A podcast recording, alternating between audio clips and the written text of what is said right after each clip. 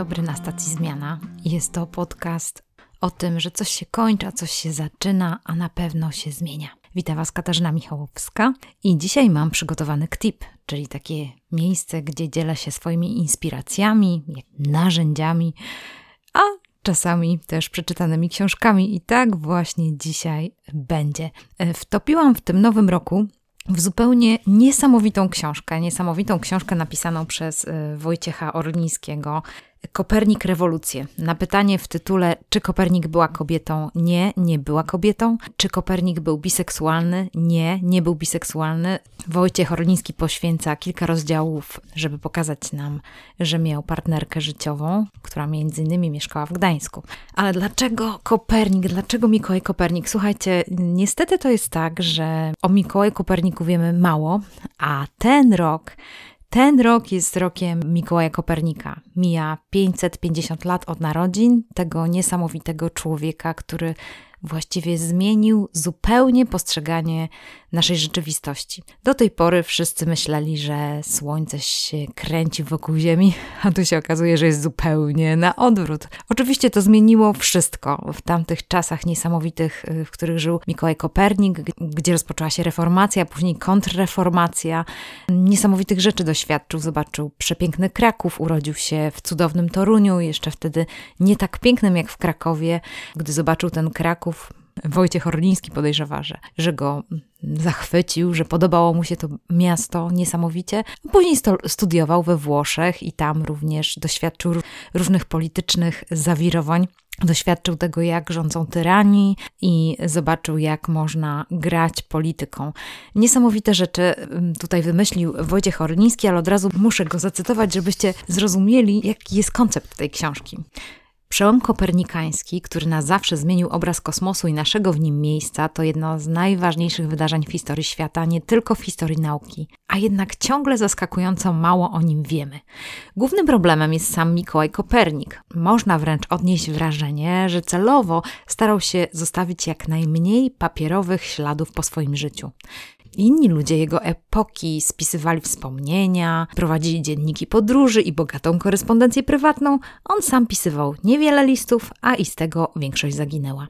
Do tego po jego śmierci jego idee były zwalczane zarówno w katolickiej, jak i protestanckiej Europie. Kto więc miał jakieś listy Kopernika, ten w swoim najlepszym interesie powinien był je zniszczyć. W oczach prokuratora, świeckiego czy kościelnego, posiadanie pism heretyka było wszak dowodem skłaniania się ku herezji, a procesy o herezję naprawdę źle się wtedy kończyły.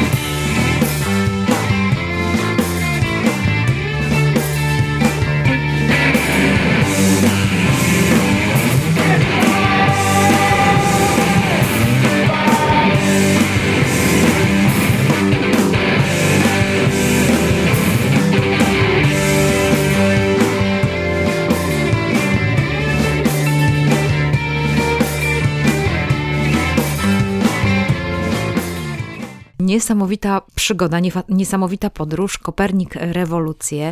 Wojciech Orniński wykorzystuje swoje doświadczenia dziennikarskie, opisuje Mikołaja Kopernika w taki sposób, że spogląda na jego podróże, na jego życie, na jego sposób bycia, na to, jak e, funkcjonował, przez inne opisane podróże, życie lub doświadczenia. I stara się przez to pokazać, jak prawdopodobnie Mikołaj żył, więc e, Wojciech Orliński Olszyński tutaj maluje nam przeróżne, ciekawe przykłady. Moim zdaniem przekopał naprawdę no, wie, wiele, wiele dokumentów, żeby przywołać te różne rzeczy i przez to ta, ta nasza rzeczywistość ożywa.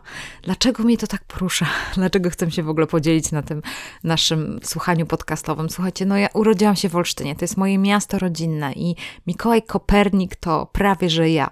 Jak byłam młodym miłośnikiem Olsztyna i oprowadzałam po Olsztynie, jeszcze kiedy byłam w szkole średniej i oprowadzałam szkoły podstawowe po Olsztynie, to opowiadałam o Mikołaju Koperniku. Bardzo dobrze zachował się zamek olsztyński. Jeżeli nie byliście w Olsztynie, to no, zachęcam, bo tam jest bardzo dużo artefaktów i pozostała cała ściana, na której Mikołaj Kopernik skrupulatnie zaznaczył obieg Słońca, jak to wygląda.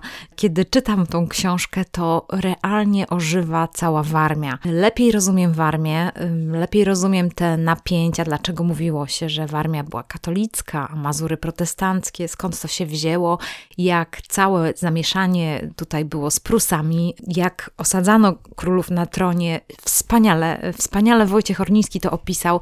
Powiem szczerze, że aż mm, żałuję, że, że Netflix nie weźmie tej książki, bo myślę, że jeżeli nawet by wziął, to by popsuł taki serial, bo wiadomo, co zrobi z Wiedźminem, ale w każdym razie Kopernik Rewolucję to mógłby być super pomysł na świetny scenariusz, super ekstra filmu, nawet lepszego niż Gra o Tron. Serio, co tam się działo w Polsce, w jaki sposób sprzedawano stanowiska. Wojciech Orliński świetnie to przypomniał. No, znamy te pewne opowieści z naszych książek historycznych i podręczników, ale Wojciech Orliński zrobił tutaj naprawdę majstersztyk.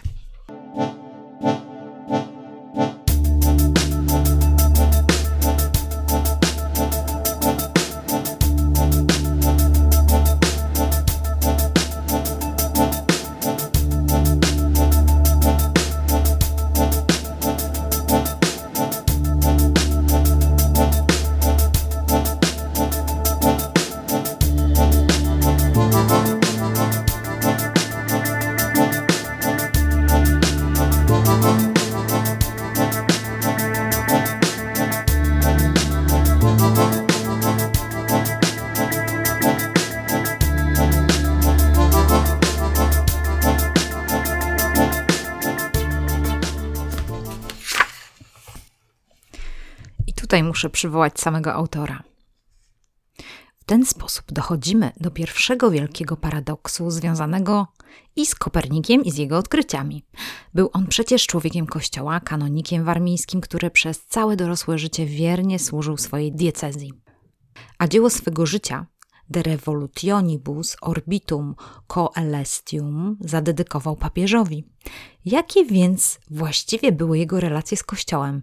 Jak to możliwe, że kiedy inkwizycja zwalczała jego osiągnięcia, biskup warmiński Marcin Kromer fundował w katedrze fromborskiej tablicę ku czci tych samych osiągnięć? A nim odpowiemy na to pytanie, pojawia się kolejny paradoks. Dlaczego tak wielkie odkrycie naukowe dokonało się w katedrze położonej na peryferiach ówczesnego cywilizowanego świata? Dlaczego akurat na Warmii, w której pierwsze wyższe uczelnie pojawiły się dopiero w drugiej połowie XX wieku? Na te wszystkie pytania autor na serio odpowiada i odpowiada w tak sympatyczny i ciekawy sposób, że książkę czyta się jak dobry kryminał. I tu wracam do autora. Te pytania wydają mi się co najmniej równie ciekawe, co biografia samego astronoma. Dlaczego w Koperniku rewolucjach staram się znaleźć na nie odpowiedź, przyglądając się uważnie mapie XV i XVI-wiecznej Europy, historii ówczesnych sporów na łonie kościoła i akademii, konfliktów politycznym i militarnym, nader płynnie przechodząc z jednych w drugie, narodzinom i upadku renesansu. Każda z tych historii jest fascynująca i w każdej Kopernik ma swoje miejsce. Ale szukając odpowiedzi na pytania dotyczące Kopernika i jego rewolucji, szybko trafiłem na kolejne, jeszcze bardziej intrygujące, zaczynające od pozornie niewinnego, jak to się stało, że jego rodzice się poznali i zawarli związek małżeński. Przecież gdyby się nie poznali, Mikołaj Kopernik po prostu nie przyszedłby na świat, a przewrót kopernikański znalibyśmy dziś pod inną nazwą, bo dokonałby go ktoś inny. Do tego nastąpiłyby dobre kilkadziesiąt lat później bo łatwo udowodnić, że Kopernik wyprzedzał ówczesną astronomię o dobre 30 lat. Dowód czołowi astronomowie Europy znali podstawowe założenia hipotezy Kopernika już około 1510 roku i doceniali ich rewolucyjne znaczenie, żaden jednak nie umiał ich rozwiązać do matematycznej, spójnej teorii. Musieli czekać do publikacji De Revolutionibus w roku 1543. Niezwykła historia, wydana właśnie w okolicach 550. rocznicy urodzin Mikołaja Kopernika, która przypada na 19 lutego. Widocznie fajni ludzie e, rodzą się w lutym.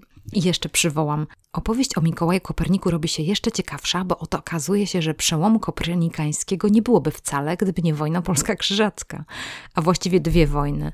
Przecież Mikołaj Kopernik junior, nasz astronom, kontynuował dzieło swego ojca. Brał czynny udział w kolejnej, już ostatniej wojnie polsko-krzyżackiej, zakończonej hołdem pruskim. Wiemy na pewno, że astronom brał udział w jawnych działaniach wojennych jako dowódca olsztyńskiej fortecy. Właśnie o tym zawsze opowiadałam, oprowadzając wycieczki. Ale czy kontynuował dzieło ojca i dziadka również w sferze niejawnej? Czy był agentem? Tak, Wojciech Orniński pisze o tym, że ojciec Mikołaja Kopernika był agentem. Tego możecie się dowiedzieć z tej książki. Każde pytanie prowadzi tu do kolejnych pytań, a każde kolejne jest coraz ciekawsze.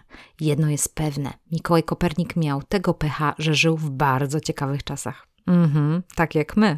W czasach chaosu, w czasach szalonych, w czasach potwornych zmian. Dlatego, choć dzieli nas pięć stuleci, tak łatwo nam dzisiaj postawić się w jego sytuacji i zrozumieć jego motywy, emocje, marzenia i lęki. Niestety skąpe materiały źródłowe sprawiają, że kopernikologia jest niczym podróż przez ocean hipotez, na którym rzadko napotykamy wyspy niepodważalnych faktów. Nim zaproszę do wspólnej podróży, tak pisze Wojciech Orliński, kilka słów ostrzeżenia. Nawigatorem w tej wyprawie nie będzie zawodowy wilk morski, tylko dziennikarz. Moim zdaniem duży plus. A gdy dziennikarz wyznacza kierunek, to znaczy, że podróż nie odbędzie się trasą najkrótszą, optymalną i najbezpieczniejszą. Przeciwnie, będzie się za to starał zapewnić pasażerom podróż pełną wrażeń i przygód. Metafory na bok. Starałem się w tej książce trzymać udokumentowanych faktów i wyraźnie zaznaczać, czy opatruję je hipotezami własnymi lub zaczerpniętymi od innych autorów. Ze względów stylistycznych nie mogłem tego jednak zaznaczać na każdym kroku. Nie da się inaczej napisać biografii kogoś, co do którego niepewne są już nawet daty narodzin i śmierci. O tak, nawet to nie jest pewne. Jedno jest pewne, że wszechświat jest ogromny, przepiękny, że kiedyś zupełnie odrzucono teorię Kopernika i dopiero za jakiś czas ją odkryto. Władze Kościoła i katolickiego i protestanckiego zupełnie odwróciły się od Kopernika, że jego życie wspaniale się rozwijało mniej więcej do pięćdziesiątki, a później można powiedzieć, że doświadczył schyłku życia, może był osamotniony, ale wcale to nie znaczy, że miał złe życie. Miał wielu fajnych przyjaciół, z którymi trzymał się blisko, umiał dbać o relacje, umiał z ludźmi rozmawiać, był życzliwy wobec wielu ludzi. Jak na tamte czasy był świetnym liderem i to świadczy o jego charakterze. Przechodząc przez tą książkę, naprawdę wyłania nam się nie jakiś naukowiec, który bujał w obłokach i był jakiś taki dziwny, ale w gruncie rzeczy naprawdę, no z jednej strony ciekawy myśliciel, filozof, ekonomista, który myślał o pieniądzu, który był zaangażowany w życie ludzi i bezpieczeństwo, no bronił zamku olsztyńskiego przed najazdem krzyżaków, kochał ale również nie lubił. Nie lubił narcyzów, nie lubił ludzi, którzy chcą przejąć władzę w niefajny sposób ale sam również był w to zaangażowany i Wojciech Orniński to opisuje. Bardzo ciekawa książka ze względu na to, że mamy czas chaosu, być może się boimy tego, co nas czeka, być może boimy się wojny, być może boimy się tych różnych zmian. I powiem szczerze, że Kopernik Rewolucję Wojciecha Ornińskiego to jest fajniejsza książka, która pokazuje świetny zestaw informacji i takich wniosków, jak można sobie poradzić w czasie chaosu, co jest ważne, jak wracać do swoich wartości, jak szukać w dziedzinie nauki, jak być wytrwałym, jak poszukiwać prawdy. I jest to książka lepsza niż książka, którą czytam pod koniec ubiegłego roku Reguły na czas chaosu Tomasza Stawiszyńskiego, który wciela się w postać Petersona i chce nam dać jakieś rady. Też doceniam Tomasza Stawiszyńskiego, że chciał to zrobić, więc jeżeli chcecie przeczytać takie rady wprost, to przeczytajcie książkę Reguły na czas chaosu Tomasza Stawiszyńskiego. Może Wam się nie spodobają, ale jedną z reguł, które tam Tomasz Stawiszyński napisał w tej swojej pop filozofii, jest to, żeby czytać książki. I właśnie dlatego to jest moje postanowienie, żeby mieć mniej czasu z telefonem, mniej czasu w sieci, mniej czasu przeglądając jakieś obrazki niepotrzebne, mniej scrollując ciągle. Ciągle zachęcam Was do tego, żeby, żeby nie scrollować. Jeżeli nawet słuchacie tego podcastu, to nie scrollujcie, tylko popatrzcie sobie dookoła. Patrzcie, czy może ktoś koło Was stoi, a może jest jakiś ładny widok, więc naprawdę, reguły na czas chaosu można sobie przeczytać, żeby mieć konkretne rady, a Kopernik rewolucję Wojciecha Orlińskiego, który był facetem z krwi i kości, można sobie przeczytać jako taka inspiracja i zastanowienie się, czy byście chcieli żyć w tamtych czasach, a właściwie tamte czasy były bardzo podobne do czasów, w których żyjemy teraz.